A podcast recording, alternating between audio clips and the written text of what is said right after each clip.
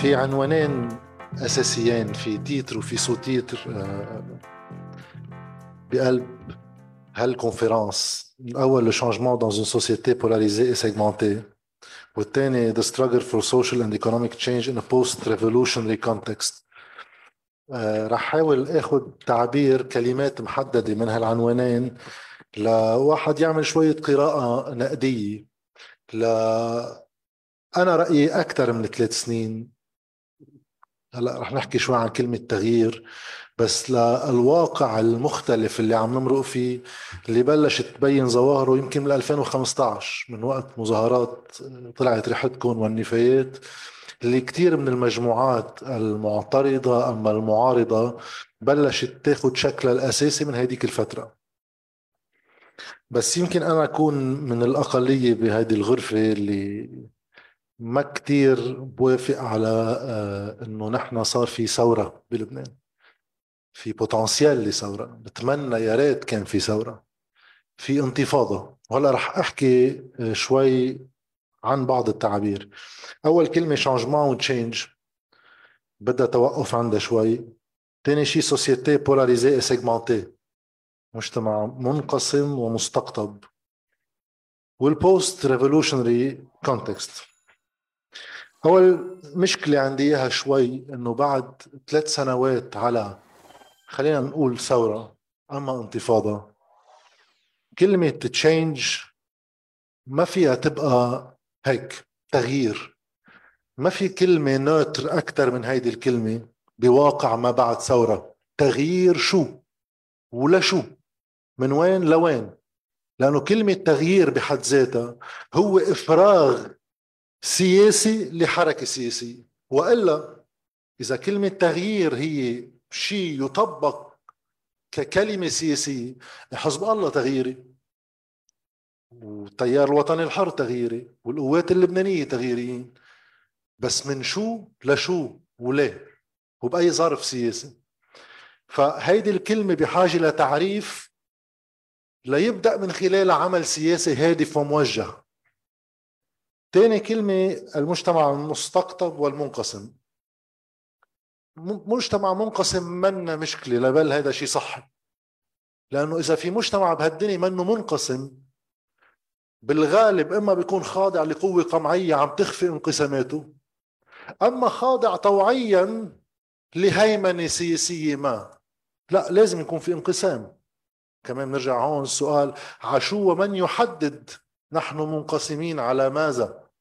هون ساعتها واحد يا بيكون بموقع معارضة يا بموقع سلطة حسب قدرته على التأثير بشو الناس عم تختلف. أما الاستقطاب البولاريزيشن عادة الاستقطاب هو آه، وحدة من عوارض تعطل شيء بالنظام القائم. المجتمع بالولايات المتحدة خلينا نقول بالتسعينيات ولكن ما قبل ما في فينا نقول منقسم نعم بس غير مستقطب باستقطاب قاسي حاد ولكن اليوم أصبح مستقطب. في ناس بتقول بعد انهيار 2008 في ناس بتقول بعد فشل عسكري بالخارج في ناس بتقول نتيجة سياسات داخلية. ولكن أكان ترامب أما بيرني ساندرز هم تعبير أنه النظام كما ألفناه بقوى السياسية القائمة بطلوا عم بيقدروا يجاوبونا على المشاكل اللي عم تستجد علينا فمنروح عند خيارات أكثر تطرفا. تنجرب نلاقي جواب. أما حالة الاستقطاب بالحالة اللبنانية اللي حالة النظام فيها هو بحالة تخبط باستثناء الفترة اللي بيجي السوري لهون بيمسكوا للنظام هيك وبيفرجيه كأنه جامد الاستقطاب هو الحاله الأساس. رح أرجع له بالآخر. فإذا المطلوب من الأنظمة تؤدي وظائف معينه إذا في شك بصدقية القوى السياسية اللي بقلب هذا النظام أم في عجز لهذا النظام أن يقوم بالوظائف المناط به يأمن أمن يجيب كهرباء وبفترات مستدامة كيف إذا في انهيار مالي. هون ببلش يصير شرعية النظام موضع شك ويبدأ الاستقطاب. وإلا إذا النظام شغال والأحداث يمكن استباقها وارتقابها وعم بتصير بتتابع منطقي. ما بيكون في بولاريزيشن بيكون في ناس هيك وناس هيك طبيعي.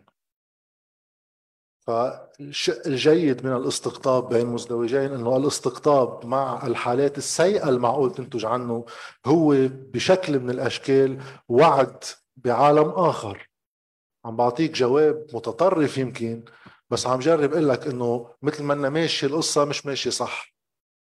حزب الله في يكون جزء من الاستقطاب والقوات في يكون جزء من الاستقطاب بس مضمون اللي عم يجربوا يعرضوه بصورة بالنسبة لإلي مشوهة. هي وعد بعالم آخر كما القوى التغييرية الثورية يجب أن تعد بعالم آخر. وهون بوصل لاخر كلمة اللي هي ال post-revolutionary context كنت عم أقول شغلة إنه برأيي الأحداث السياسية إذا يمكن ارتقابها واستباقها يعني ما في مشكل.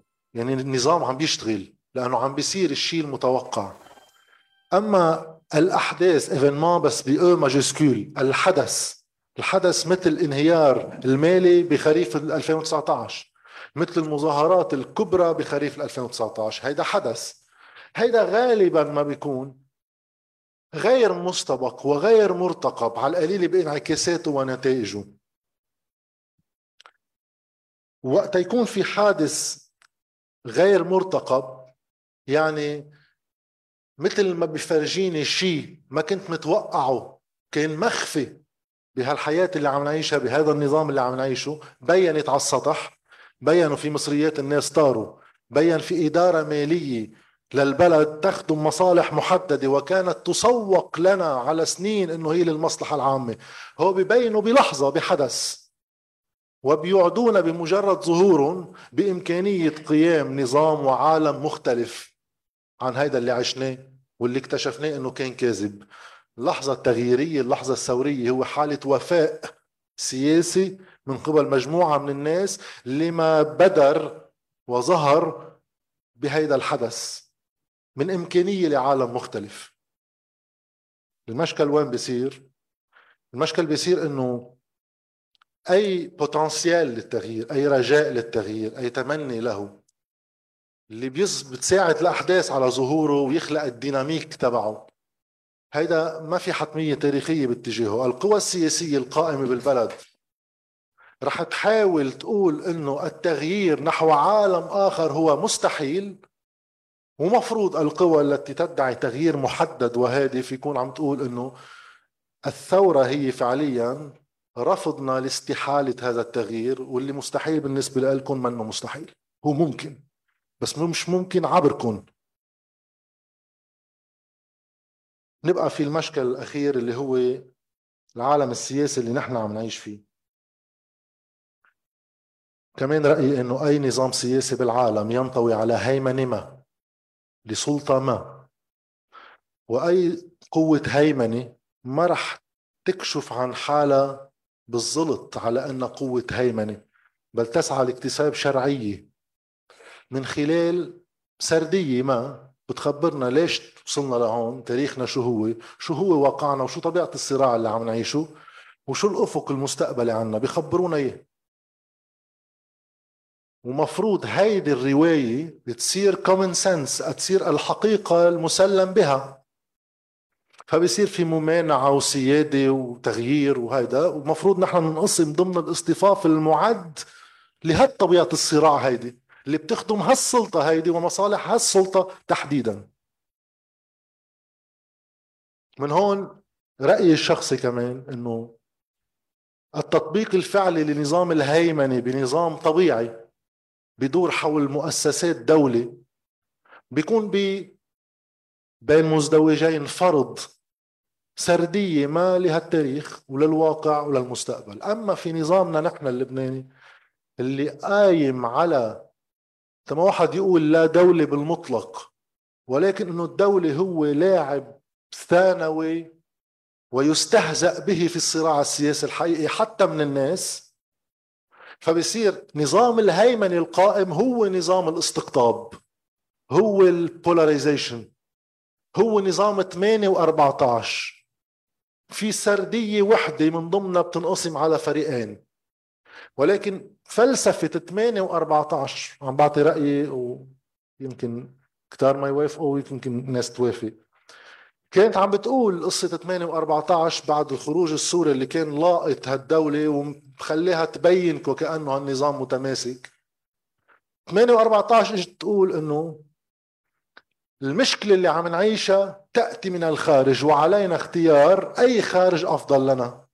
السعودية ولا إيران سوريا أم أمريكا؟ وفينا نعدلها. والخلاف السياسي بالبلد بصير مستقطب على هالخلاف. إذا أنت 8 أم 14 أنت بحكومة الوحدة الوطنية. أنت على طاولة الحوار أنت جزء من النظام السياسي. ولا بغياب دولة نقدر نخلي هالنظام عم بخلي مجتمعه يكون متماسك أمنيا وبشيء من الاستقرار كل واحد بيلقى جماعته وآخر انعكاساتها انه وقتها سعد الحريري قرر إنه هو بده يعتكي في الحياة السياسية. الثنائي الشيعي بلشوا يضربوا على راسهم. لأنه هن بحاجة للآخر ليمسك شارعه ما أنا إذا علقوا بين طريق جديدة والشياح كيف منحلها كنا؟ الدولة بتفرض هيبتها؟ لا. بصير في اتصالات بين الفريقين. أنا بلقط هون أنت بتلقط هونيك. خطر شديد على هالنظام. إذا واحد من لعيبته بينسحب بصير في ساحة مش قادرين نضبطها وبصير العين أوعى تنفجر طرابلس بأي لحظة. مع مين بنحكي هلأ؟ لحظة 17 تشرين بالنسبة لإلي فيها البوتنسيال الثوري لأنه هو حدث أظهر خطأ ما في الواقع اللي كنا عم نعيشه وإجا معه وعد بعالم آخر لازم نسعى لتحقيقه. وهو لحظة قطع فلسفية مع فكرة 8 و14 بأنه عم تيجي تقول لا مشكلنا مش من برا بس مشكلتنا من جوا. من كيفية تغييب أي جهاز للدولة بيعترف بالناس كناس عندها حقوق ويجعل من السياسة تسخير للمجتمع لخدمة مصالح قلة من خلال شمسية خارجية بيتغطى فيها كل واحد بس بيقعدوا مع بعض بالآخر. الخطر بالسياق ما بعد الثورة إنه ينزلق ليصير يرجع يستخدم سرديات 8 و14 ولو هو مصور نفسه كتغييري أم عنده أفضل النوايا لأنه آخرتها ما في مشكل تسمي حالك شو بتريد المشكل تلعب اللعبة. الصراع مع حزب الله أم مع القوات مع حركة أمل أما مع تيار الوطن الحر أم مع تيار المستقبل. إما بيجي بعناوين جديدة نشأت من خلال هاللحظة الثورية بكيفية تحديد علاقتنا بهالدولة إما فينا نرجع نعلك الصراع الذي كان قائما ونرجع على اصطفاف نعتبره هو صراع صدام ولكن هو مثل 8 و14 بيتصارعوا وبيتصادموا تيتشاركوا السلطة شراكة بس هي سلطة وليست دولة. ما فيها حقوق ولا فيها مسؤوليات. وبختم بالخوف من تغيير بعض التعابير. لأنه وقتها كنت بالتلفزيون وما عم بحكي عن أول ست سبعة أشهر عم بحكي من بعد ما صار كورونا وخفض الزخم بالشارع. ضل بعد شي سنة وأكثر يمكن لليوم إذا بتسمعوا شوي بنشرات الأخبار إذا بينزل ثلاث أربع شباب بيسكروا طريق الخبر بيجي وقد قام ثوار بكذا كذا كذا. ثوار. ماشي الحال. يجوز يعني. بس وقت يفوتوا على المجلس بيصيروا تغييريين ليش؟ تغيير ماذا؟ ولماذا؟ وبدال المناضل بصير في ناشط. النضال يمكن يستدعي قضية. الناشط productivité يعني إنه نشاط. يعني الفيروس فيه ينشط. نحن اليوم هل نحن تغييريين؟ وإذا تغييريين نغير شو؟ ولوين؟ واذا نحن ثوريين المفروض نكون عارفين وعم نقدم جواب. وشكرا.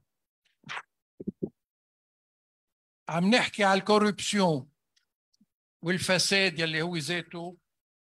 كلنا بنقول في أشخاص بس ما حدا بيسترجي يسميهم. نحكي عن ال réformateurs. مين حضرتهم؟ بدنا أشخاص يجوا يجسدوا هالأفكار هيدي. حاجة نضل نحكي بطريقة بنسميها اكاديميه اسمحوا لي مثل ما عم نعطي تفسيرات دايمة كلمات إذا بتحب تسميهم هون ما حدا رح بال USJ ما حدا رح يعمل لك أي سنسورشيب تفضل سميهم كلهم. هلأ ما بدنا نتشاطر على بعضنا بس بيجي وقت لازم نقول مين الكوربتور حاجة نسميهم المغيبين عم نجهلهم دائما والريفورماتور بدنا حدا يتشرف يفضل يعمل العرض ويحكي معنا. بس شغلة على قصة التسمية وقتها كنت أشتغل بالأخبار. آه، بتعرف مركز السلطة الفعلية على الناس اللي إذا سميتهم بيجي معهم كف. تماما. فكنا نحكي آه، يجي مثلا تقرير. مش بعرفني خلينا نقول كهرباء ولا شو ما كان. اخرتها بدك تختمه.